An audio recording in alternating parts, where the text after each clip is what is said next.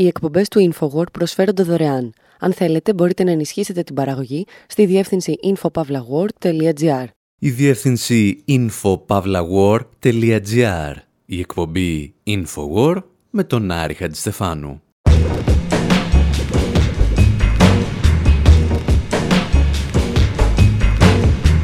Όπου σήμερα αναρωτιόμαστε μήπως έχουμε υπερτιμήσει το βομβαρδισμό της Χειροσύμας και του Ναγκασάκη και αφήνουμε τις τρύπες και τον αυτοκράτορα Χειροχίτο να διαφωνούν μαζί μας.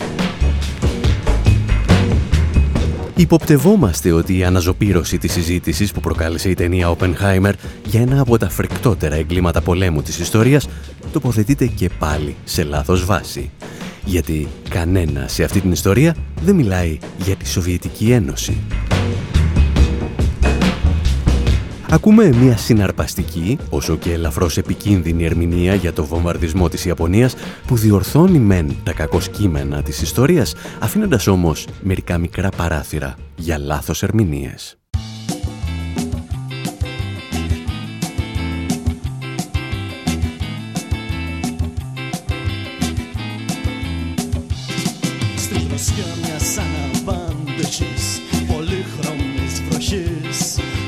Φως του διαλυμένου φεγγαριού. Θα τραγουδάμε ξαφνιασμένοι το τέλος της αρχής με μελωδίες του παλιού καλού καιρού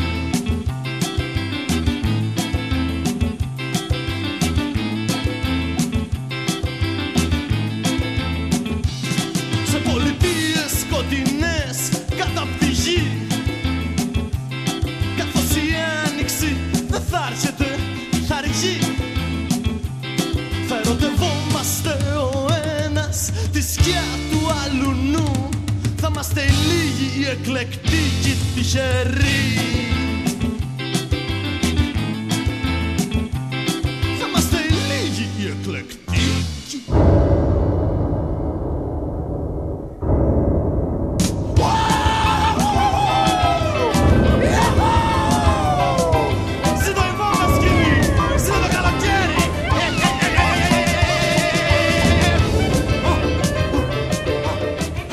Γιάννης Αγγελάκας με τις τρύπες τραγουδά για το βομβαρδισμό της Χειροσύμας από την Αμερικανική πολεμική αεροπορία στις 6 Αυγούστου του 1945.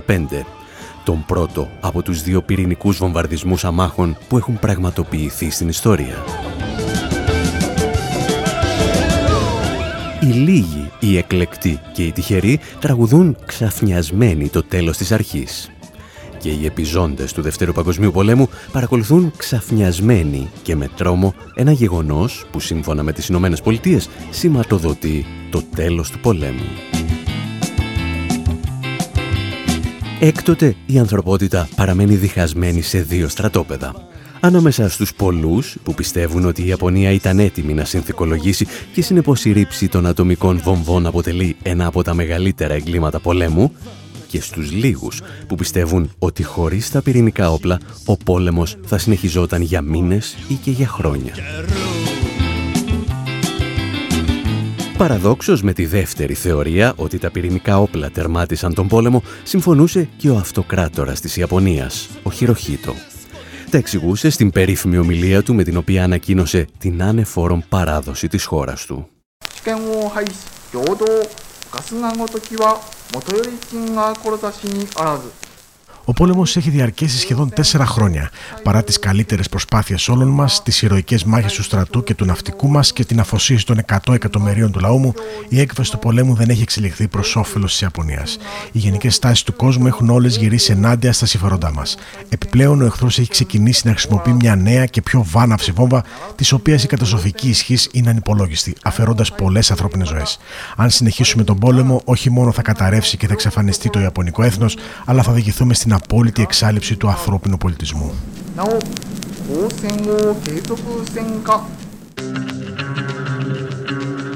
Παρεπιπτόντως, την ίδια οπτική υιοθετεί με τον δικό της τρόπο και η ταινία Oppenheimer. Μια εξαιρετική παραγωγή με αρκετές όμως πολιτικές και ιδεολογικές τρύπες. I don't know if we can be trusted with such a weapon.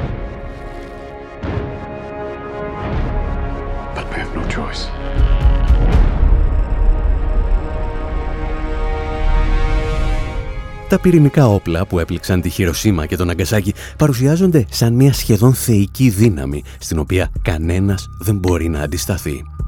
Σύμφωνα όμως με μια νέα γενιά ιστορικών, δεν ήταν αυτά που έφεραν το τέλος του πολέμου με την Ιαπωνία. Σύμφωνα μάλιστα με τη δική τους θεώρηση, η Ιαπωνική ηγεσία της εποχής στην πραγματικότητα αδιαφόρησε για τις πυρηνικές επιθέσεις.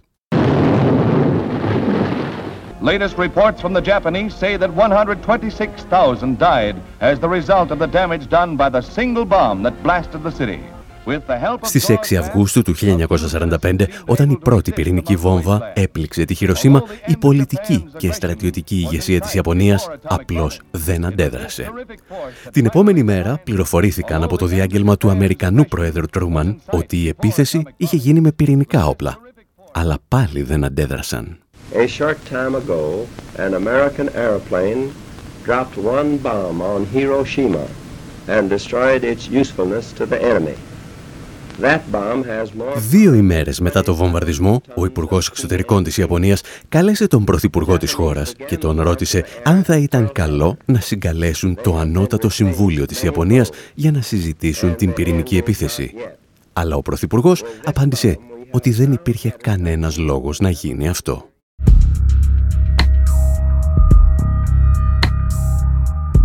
Σύμφωνα με τον Ward Wilson, συγγραφέα του βιβλίου «Πέντε μύθοι για τα πυρηνικά όπλα», ο λόγος για τον οποίο η Ιαπωνική ηγεσία παρακολουθούσε σχετικά στοικά τις πυρηνικές επιθέσεις ήταν ότι είχε συνηθίσει να χάνει από μία πόλη σχεδόν σε καθημερινή βάση.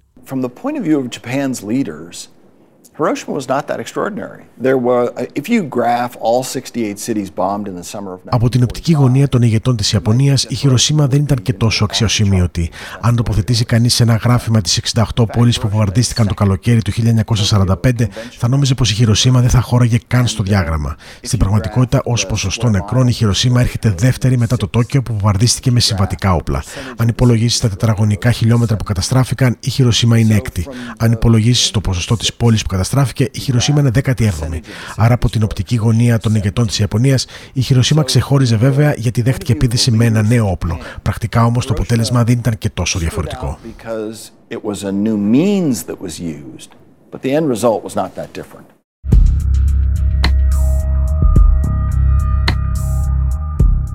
Καθώς το καλοκαίρι του 1945 προχωρούσε, οι Αμερικανικοί συμβατικοί βομβαρδισμοί κλιμακώνονταν και η Ιαπωνία είχε χάσει πρακτικά και το Τόκιο, το οποίο δέχθηκε τον πιο πολύ νεκρό αεροπορικό βομβαρδισμό στην παγκόσμια ιστορία του πολέμου.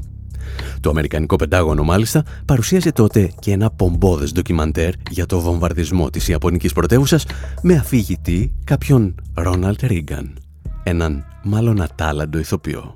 Six hours later, through the clouds. They saw it. Fujiyama. Έξι ώρες αργότερα μέσα από τα σύννεφα το είδαν. Το όρος Φούτζι, το αρχαίο σύμβολο της Ιαπωνίας. Και τώρα από κάτω τους είναι το Τόκιο. Σε μια ακτίνα 24 χιλιόμετρων από το αυτοκρατορικό παλάτι ζουν 7 εκατομμύρια Ιάπωνες. Ένας λαός που τον θεωρούσαμε μικρό, δελικάτο, ευγενή. Ένας λαός που ασχολούταν μονάχα με συνθέσεις λουλουδιών, με πέτρινους κήπους και με την καλλιέργεια μεταξοσκόλικα. Αλλά δεν ήταν μεταξοσκόλικε ούτε αυτοκρατορικά παλάτια που αναζητούν οι πιλότοι μας. Στα προάστια του Τόκιο βρίσκεται το γιγαντιαίο ροστάσιο αεροσκαφών Ναγκατζίμα. Λοιπόν, φιλαράκο, τι περιμένεις; Ρίξτε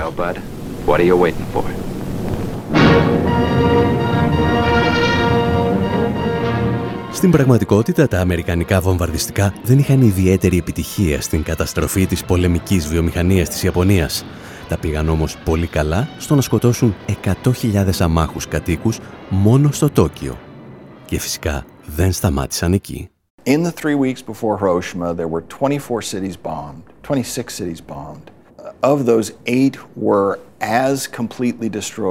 Στις τρεις εβδομάδες πριν τη Χειροσύμα βομβαρδίστηκαν 26 πόλεις. Από αυτές, 8 καταστράφηκαν ολοσχερό, δηλαδή αναλογικά όσο η Χειροσύμα ή περισσότερο. Η πόλη το Γιάμα είχε πληθυσμό 130.000 κατοίκων και καταστράφηκε σε ποσοστό 99,5%. Συνεπώς, οι Ηνωμένες Πολιτείες πραγματοποιούσαν τεράστια καταστροφή με βομβαρδισμούς όλες τις εβδομάδες του καλοκαιριού πριν από τη Χειροσύμα.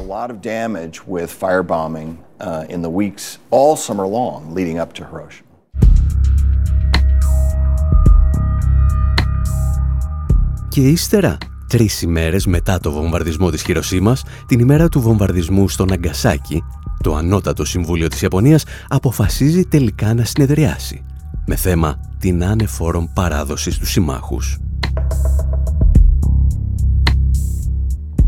Ήταν όμως ο βομβαρδισμός του Ναγκασάκη ο καθοριστικός παράγοντας της ευνίδιας αλλαγής; Ο Ουάρντ Βίλσον απαντά κατηγορηματικά όχι.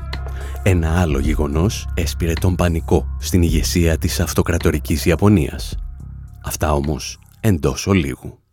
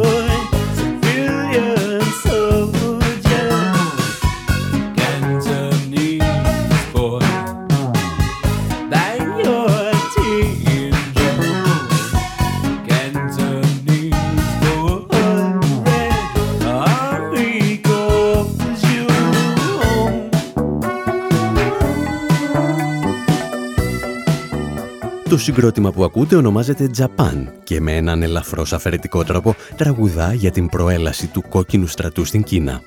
Ουσιαστικά δηλαδή τραγουδά για την απελευθέρωση της Κίνας από τον γενοκτονικό στρατό των Ιαπώνων.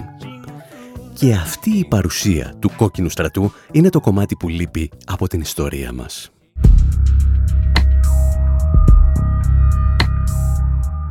Δύο ημέρες μετά το βομβαρδισμό της Χειροσύμας, η Σοβιετική Ένωση κηρύσσει τον πόλεμο στην Ιαπωνία.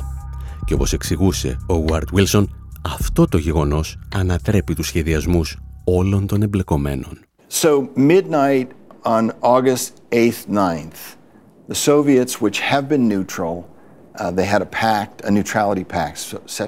τα μεσάνυχτα της 8η προς 9η Αυγούστου, οι Σοβιετικοί που είχαν σύμφωνο ουδετερότητας 5 χρόνων με την Ιαπωνία κηρύσσουν τον πόλεμο. Εισβάλλουν στη Ματζουρία με 1,5 εκατομμύρια άντρες.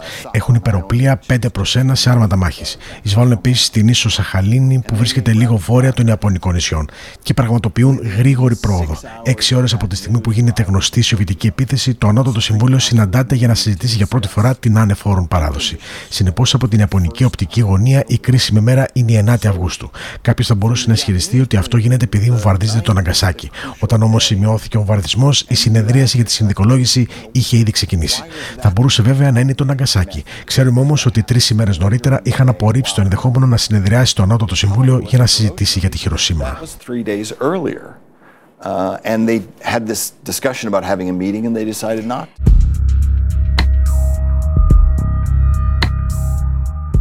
Ο μύθος λοιπόν που λέει ότι οι Ιάπωνες αποφάσισαν να παραδοθούν όταν ενημερώθηκαν για το βομβαρδισμό στο Ναγκασάκι φαίνεται να καταραίει. Γιατί είχαν αποφασίσει να παραδοθούν πριν ενημερωθούν για τη δεύτερη πυρηνική βόμβα που έπεφτε στη χώρα τους. Ήταν η προέλαση του κόκκινου στρατού που τους προκάλεσε πανικό. Και για να καταλάβουμε γιατί, ίσως πρέπει να ακούσουμε και ένα απόσπασμα από το ντοκιμαντέρ Battlefield Manchuria, The Forgotten Victory. On the same day as the Nagasaki bombing, another momentous military attack was unleashed against Japanese forces. It would be one of the largest, most imaginative and most successful campaigns of the war. Την ίδια ημέρα με τον βομβαρδισμό στο Ναγκασάκι, μια άλλη μνημειώδη στρατηγική επίθεση εξαπολύθηκε προς τις Ιαπωνικές δυνάμεις. Ήταν μία από τις μεγαλύτερες, τις πιο εφάνταστες και πιο επιτυχημένες εκστρατείε του πολέμου. Παραμένει όμως μία από τις λιγότερο γνωστές στις επόμενες γενιές. Για πολλούς μελετητές του Β' Παγκοσμίου Πολέμου, η Σοβιετική εκστρατεία στη Ματζουρία ήταν απλώς μια υποσημείωση στην ιστορία του πολέμου. Ολόκληρη επιχείρηση θεωρείται ευρέως ως μια άσκηση απλού οπορτουνισμού. Ο Στάλιν δηλαδή εξασφάλισε διασφάλιζε όσο περισσότερα λάφυρα μπορούσε πριν τα αμερικανικά ατομικά όπλα τερμάτιζαν τις εχθροπραξίες. Αυτή η ανάλυση όμως αδικεί τις σοβιετικές προθέσεις. Στην πραγματικότητα, η σοβιετική εκστρατεία στη Ματζουρία ήταν μια επιχείρηση που σχεδιαζόταν καιρό. Οι προετοιμασίες για την επίθεση ήταν εξαιρετικά σχολαστικές. Η στρατηγική ήταν τολμηρή και φιλόδοξη. Η ηγεσία του στρατού ήταν η καλύτερη διαθέσιμη και οι πόροι που είχαν στη διάθεσή τους ήταν σημαντικοί. Την 9η Αυγούστου του 1945, συνολικά 1,5 εκατομμύριο Σοβιετικοί στρατιώτες ετοιμάστηκαν για να λάβουν μέρος στην επίθεση της Ματζουρία. A total of 1.5 million Soviet troops prepared to take part in the Manchuria offensive.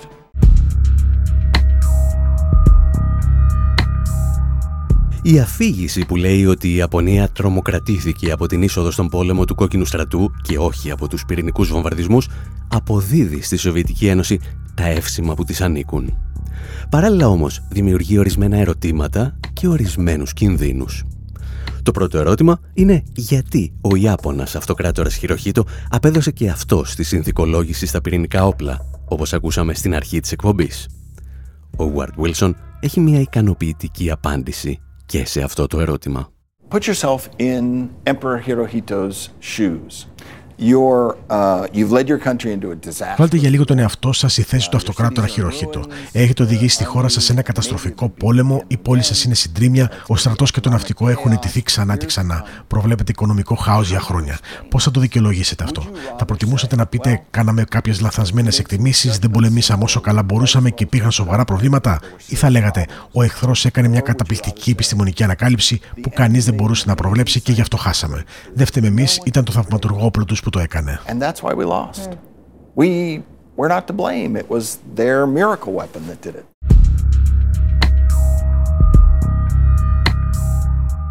Η Ιαπωνία λοιπόν έπρεπε να αποδώσει την ήττα της σε έναν απομηχανής θεό και τον βρήκε στα πυρηνικά όπλα. Οι Ηνωμένες Πολιτείες από την πλευρά τους ήθελαν να βγάλουν από το κάδρο της ιστορίας το ρόλο που έπαιξε η Σοβιετική παρέμβαση, μία από τις μεγαλύτερες κινητοποίησεις στρατευμάτων στην ιστορία της ανθρωπότητας. Νικητές και οι τιμένοι λοιπόν συμφώνησαν να αποδώσουν τις εξελίξεις στο βομβαρδισμό της Χειροσύμας και του Ναγκασάκη.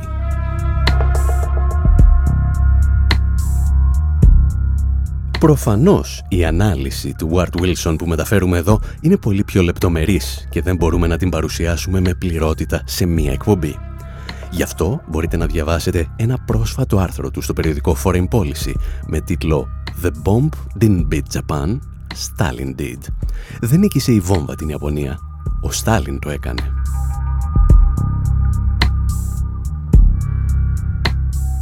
Πιστεύουμε όμως ότι και σε αυτή την αφήγηση υπάρχει ένα μικρό πρόβλημα. Αν υποτιμήσουμε σε τέτοιο βαθμό το βομβαρδισμό της Χειροσύμας και του Ναγκασάκη, κινδυνεύουμε να υποτιμήσουμε εν γέννη την καταστροφική ισχύ των πυρηνικών όπλων. Οι δύο πρώτοι και ευτυχώς τελευταίοι βομβαρδισμοί αστικών κέντρων με πυρηνικά όπλα αποτελούν ένα από τα μεγαλύτερα εγκλήματα πολέμου στην ιστορία της ανθρωπότητας και έτσι πρέπει να μείνουν στο συλλογικό της υποσυνείδητο. Αρκεί να θυμόμαστε ότι ο φασισμός ίσως να μην είχε ιτηθεί στο δεύτερο παγκόσμιο πόλεμο χωρίς την παρέμβαση της Σοβιετικής Ένωσης.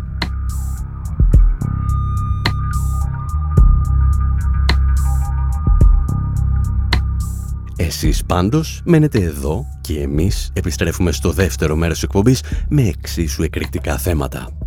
Να θυμάστε μόνο ότι περισσότερα για όλες αυτές τις ιστορίες μπορείτε να βρίσκετε στη σελίδα μας info.pavlawar.gr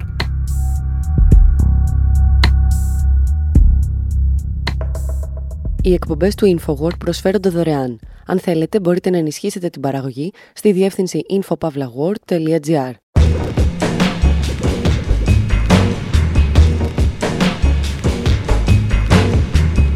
όπου σήμερα κοιτάζουμε το ρολόι μας και συνειδητοποιούμε ότι έχουμε μόλις δύο λεπτά ζωής ως πλανήτης. Αφήνουμε τους Smashing Pumpkins και τον Peter Sellers να κουρδίζουν το ρολόι του πυρηνικού ολοκαυτώματος και θυμόμαστε μερικές παλαιότερες στιγμές που φτάσαμε κοντά στο τέλος. Διαπιστώνουμε με φρίκι πως οι άνθρωποι που ελέγχουν την τύχη του πλανήτη εδώ και περίπου 7,5 δεκαετίες δεν είναι ούτε πιο έξυπνοι, αλλά ούτε και πιο χαζοί από τον Όζι Όσμπορν και τις θεωρίες των παιγνίων που αυτός παρουσιάζει στα τραγούδια του. Και Και τέλος, φοβόμαστε ότι σε λίγα χρόνια ίσως φτάσουμε να αναπολούμε αυτούς τους ηλίθιους, γιατί πλέον θα ζούμε στον αιώνα των πανηλίθιων. Εξετάζουμε γιατί τα μικρά πυρηνικά όπλα που γίνονται όλο και περισσότερο της μόδας μπορεί να αποδειχθούν πολύ πιο επικίνδυνα από τα μεγάλα.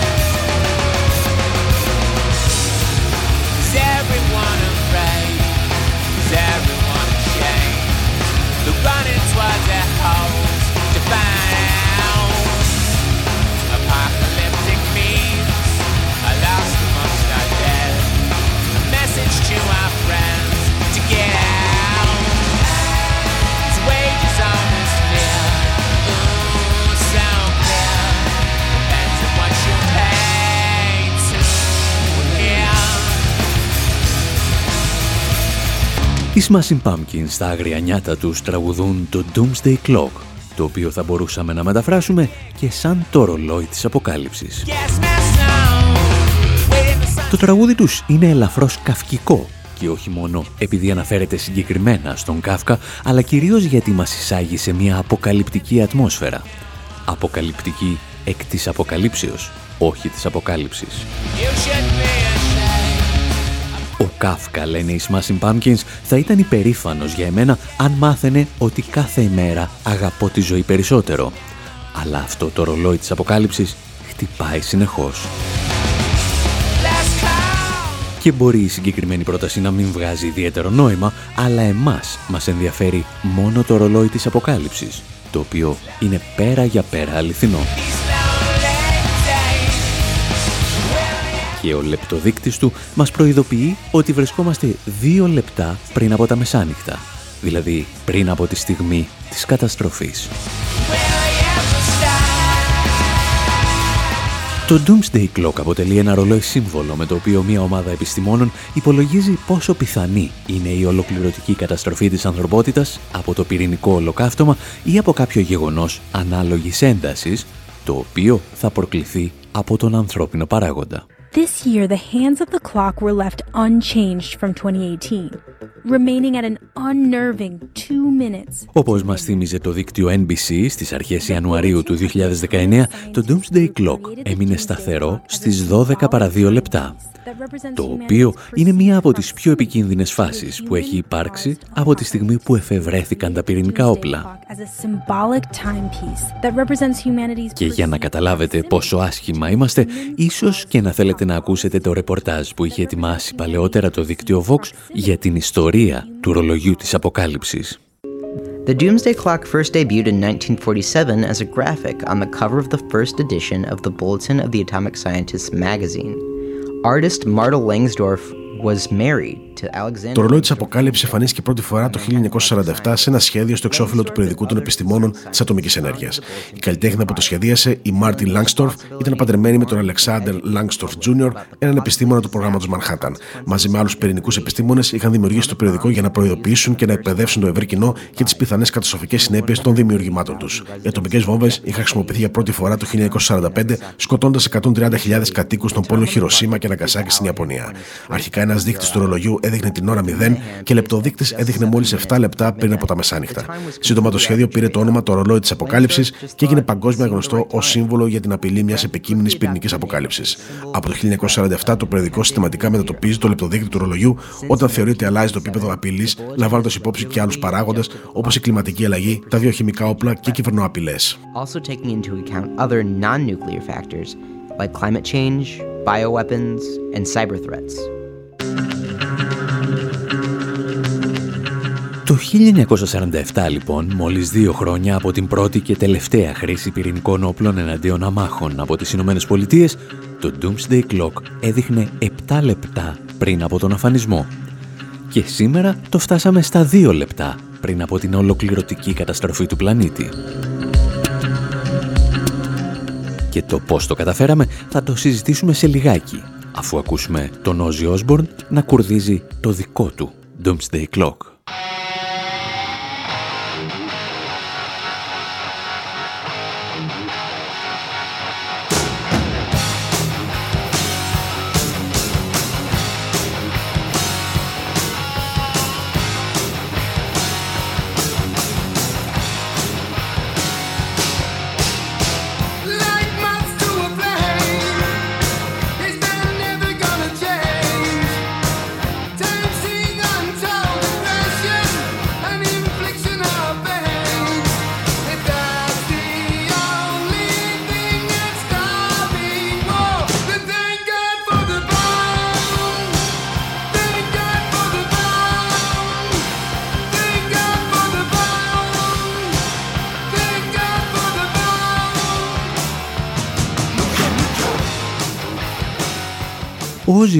Τραγουδά ένα ελαφρώς περίεργο αντιπολεμικό τραγούδι με τον ακόμη πιο περίεργο τίτλο «Ευχαριστούμε το Θεό για τη βόμβα» και εννοεί βέβαια την πυρηνική βόμβα.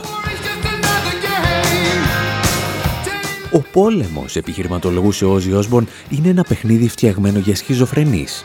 Αν όμως τους απειλήσεις με ολοκληρωτικό αφανισμό, κανείς δεν θα θέλει πλέον να παίξει. Και αν αυτός είναι ο μόνος τρόπος να διατηρήσουμε την ειρήνη, καταλήγει ο κορυφαίος αναλυτής της θεωρίας των παιχνίων, τότε πρέπει να ευχαριστήσουμε το Θεό για την μπόμπα. Αν νομίζετε ότι το επιχείρημα του Ozzy Osbourne είναι από παράλογο έως ηλίθιο, ίσως και να έχετε απόλυτο δίκιο.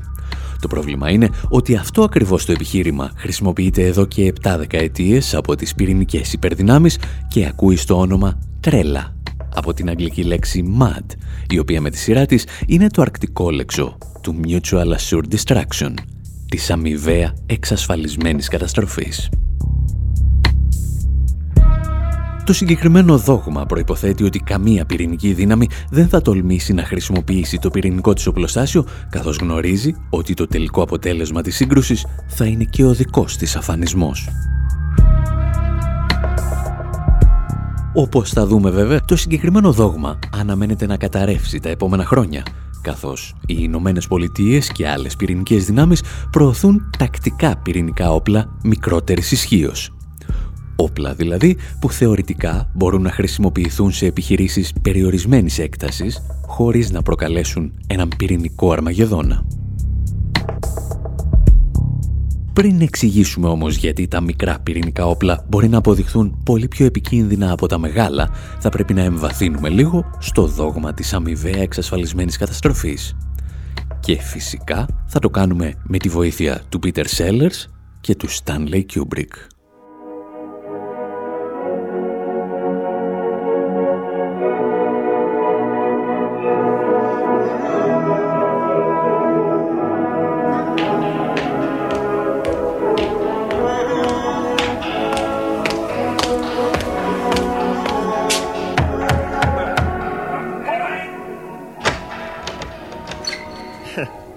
Have made several experiments and I have come to this conclusion. So? You think uh, that you have lost your love. Well, I saw her yesterday. It is you that she is thinking of, and she has told me what to say. She says she loves you. Yeah? Yeah? Yeah? She loves you. Yeah? Yeah?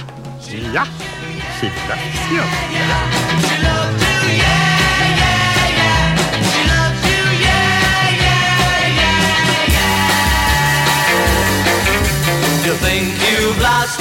Ο Πίτερ Σέλλερς απαγγέλει το She Loves You με τη φωνή του Dr. Strangelove, του ήρωα που υποδίθηκε στην περίφημη ταινία SOS Πεντάγωνο Καλή Μόσχα. Ίσως την καλύτερη αντιπολεμική σάτυρα στην ιστορία του παγκόσμιου κινηματογράφου. Ο Dr. Strangelove ήταν ο ναζιστής επιστήμονας που βρέθηκε μετά το Δεύτερο Παγκόσμιο Πόλεμο να εργάζεται για λογαριασμό της Αμερικανικής κυβέρνησης. Ορισμένες φορές μάλιστα ξεχνιέται και αποκαλεί τον Αμερικανό πρόεδρο Φίρερ.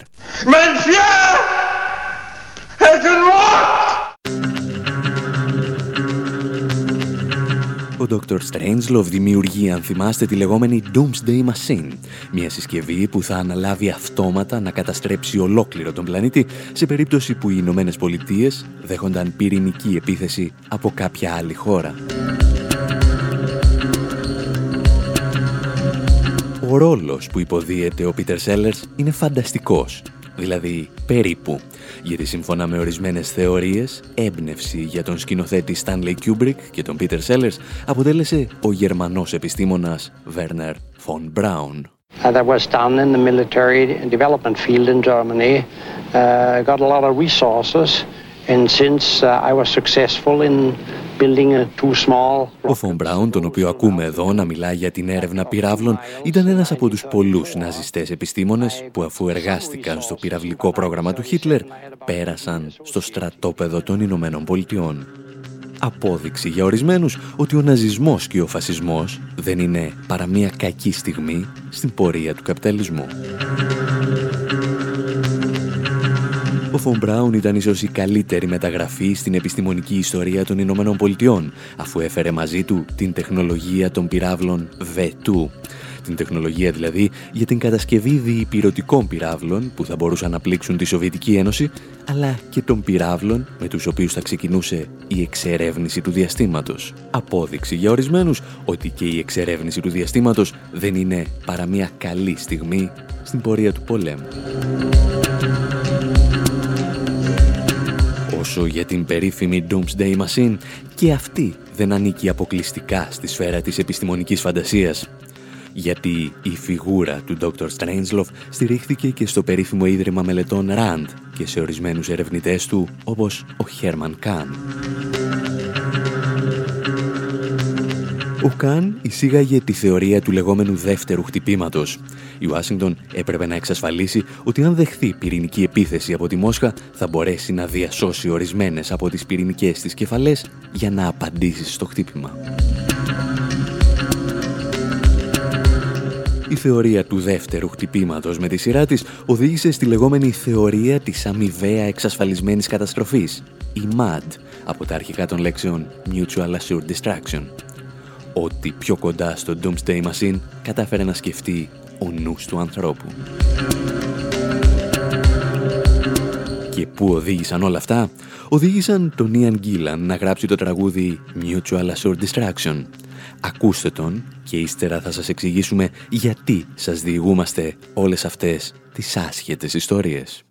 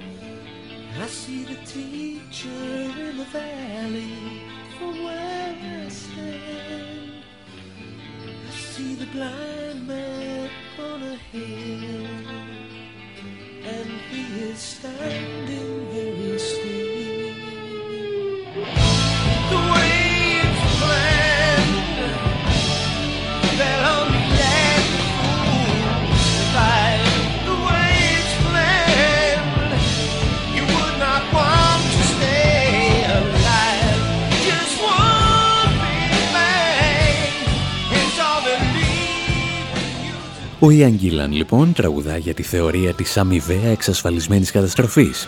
Ένα δόγμα το οποίο είναι αρκετά κακό, αλλά όπως θα δούμε, ίσως και να είναι πολύ καλύτερο από ό,τι ετοιμάζουν οι Ηνωμένες Πολιτείες για το μέλλον μας. Ένα μέλλον στο οποίο δεν θα λαμβάνει τις αποφάσεις ο Πίτερ Σέλερς που υποδίεται τον πρόεδρο των Ηνωμένων Πολιτειών, αλλά ούτε ο Πίτερ Σέλερς που υποδίεται τον παρανοϊκό επιστήμονα Dr. Strangelove τις αποφάσεις θα λαμβάνει ο σχιζοφρενής διοικητής μιας αμερικανικής στρατιωτικής βάσης που πιστεύει ότι έρχονται οι κομμουνιστές να μολύνουν τα σωματικά μας υγρά. I can no longer sit back and allow communist infiltration, communist indoctrination,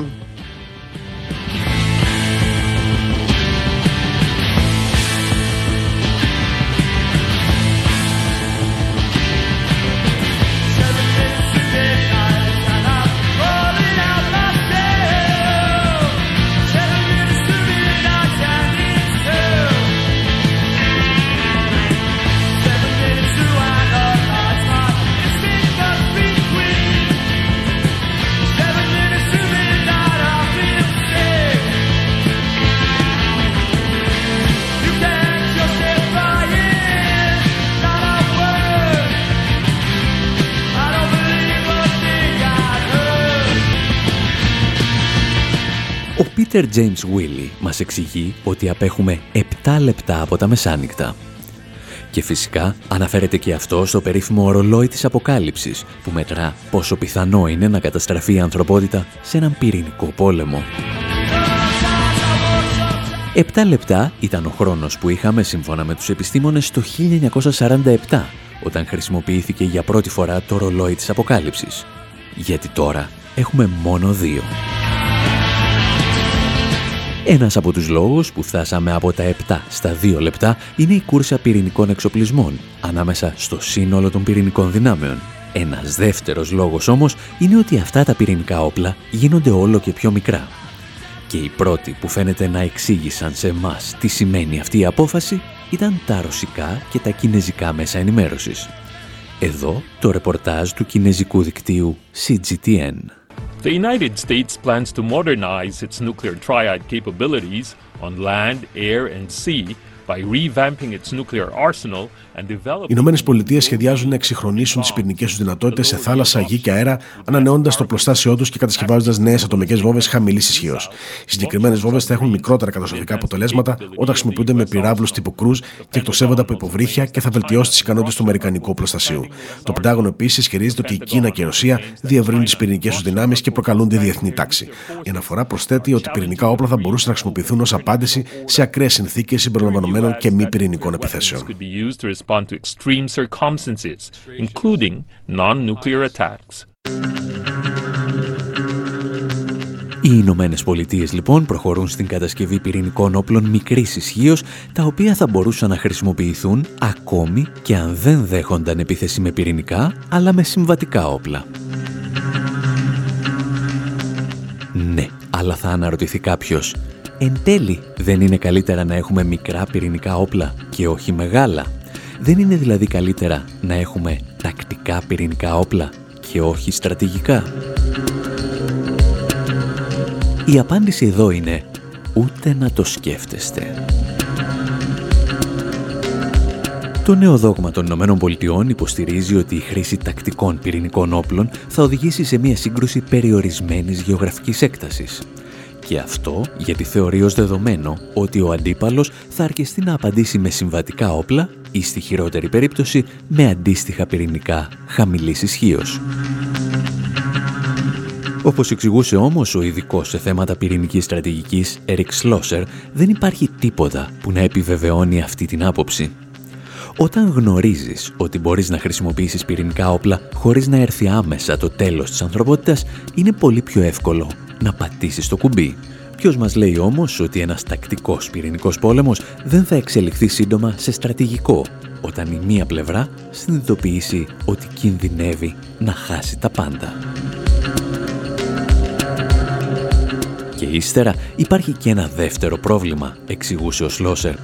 Φανταστείτε, λέει, ότι οι Ρώσοι συνειδητοποιούν ότι ένας πύραυλος εκτοξεύθηκε από ένα αμερικανικό υποβρύχιο και κινείται προς τη Μόσχα με τις ταχύτητες των σύγχρονων βαλιστικών πυράβλων μπορεί να φτάσει στη ρωσική πρωτεύουσα σε περίπου 10 με 12 λεπτά. Οι Ρώσοι αξιωματούχοι, λέει ο Σλόσερ, δεν μπορούν να γνωρίζουν εάν ο πύραυλος φέρει μια πυρηνική κεφαλή χαμηλής ισχύως, η οποία θα μπορούσε λόγου χάρη να καταστρέψει μια ύλη αρμάτων μάχης ή αν φέρει μια κεφαλή μεγάλης ισχύως που θα μπορούσε να ισοπεδώσει τη μισή Μόσχα. Η μόνη τους επιλογή είναι να ενημερώσουν τον Ρώσο πρόεδρο, ο οποίος θα πρέπει να καλέσει τον Αμερικανό πρόεδρο και να τον ρωτήσει περί τίνος πρόκειται. Και ακόμη και αν το κάνει, σκεφτείτε να σηκώσει το τηλέφωνο ο Ντόναλτ Τραμπ, ένας 70χρονος πορτοκαλί άνθρωπος με αστεία μαλλιά. Στην πραγματικότητα βέβαια αυτό το τηλεφώνημα δεν θα συμβεί ποτέ γιατί τα πυρηνικά όπλα χαμηλής ισχύως δεν χρειάζονται έγκριση από τον πρόεδρο των Ηνωμένων Πολιτειών. Την επίθεση μπορεί να έχει διατάξει ο διοικητής μιας αμερικανικής στρατιωτικής βάσης ή ενός υποβρυχίου. Παραδείγματος χάρη, ο στρατηγός από την ταινία SOS Πεντάγωνο Καλή Μόσχα, που πίστευε ότι οι κομμουνιστές κάνουμε κάτι περίεργο με τα σωματικά του υγρά. Και αν νομίζετε ότι αυτές είναι ιστορίες βγαλμένες από ταινίες, να σας θυμίσουμε ότι οι διοικητές υποβρυχίων βρέθηκαν σε αυτήν ακριβώς την κατάσταση κατά τη διάρκεια της κρίσης των πυράβλων στην Κούβα το 1962. Τα εξηγούσε πριν από μερικά χρόνια ο Νόαμ Τσόμσκι. Uh, in October, there was um, τον Οκτώβριο έγινε μια συνάντηση για την επέτειο των 40 χρόνων από την κρίση των πυράβλων. Συμμετείχαν ορισμένοι από τους πρωταγωνιστές της ιστορίας από τις Ηνωμένες Πολιτείες, τη Ρωσία και την Κούβα. Γνώριζαν ήδη ότι η κρίση των πυράβλων ήταν η πιο επικίνδυνη στιγμή στην ανθρώπινη ιστορία. Αυτό που συνειδητοποίησαν όμως τον Οκτώβριο τους άφησε άφωνους. Κατάλαβαν ότι ο κόσμος μας απήχε μόνο μια λέξη από ένα θερμοπυρηνικό πόλεμο. Δύο σοβιετικά υποβρύχια δέχτηκαν επίθεση από αμερικανικά καταδρομικά. Οι διοικητές των υποβρυχίων νόμιζαν ότι είχε ξεκινήσει πυρηνικός πόλεμος και είχαν στη διάθεσή τους πυρηνικά όπλα για να απαντήσουν. Δύο από τους διοικητές διέταξαν επίθεση. Αυτό θα σήμαινε ότι από τις αντιδράσεις και των δύο πλευρών η Νέα Υόρκη και η Μόσχα θα εξαφανίζονταν σε λίγα λεπτά. Γιατί δεν έγινε αυτό, Γιατί ένας τρίτος διοικητής των υποβρυχίων ακύρωσε την εντολή. Και έτσι σήμερα είμαστε εδώ και μιλάμε. That's why we're around to talk about it.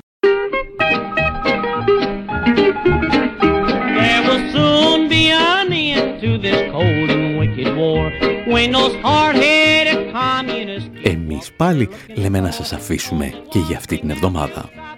Από τον Έριχα Στεφάνου στο μικρόφωνο και τον Δημήτρη Σαδόπουλο στην τεχνική επιμέλεια, γεια σας και χαρά σας.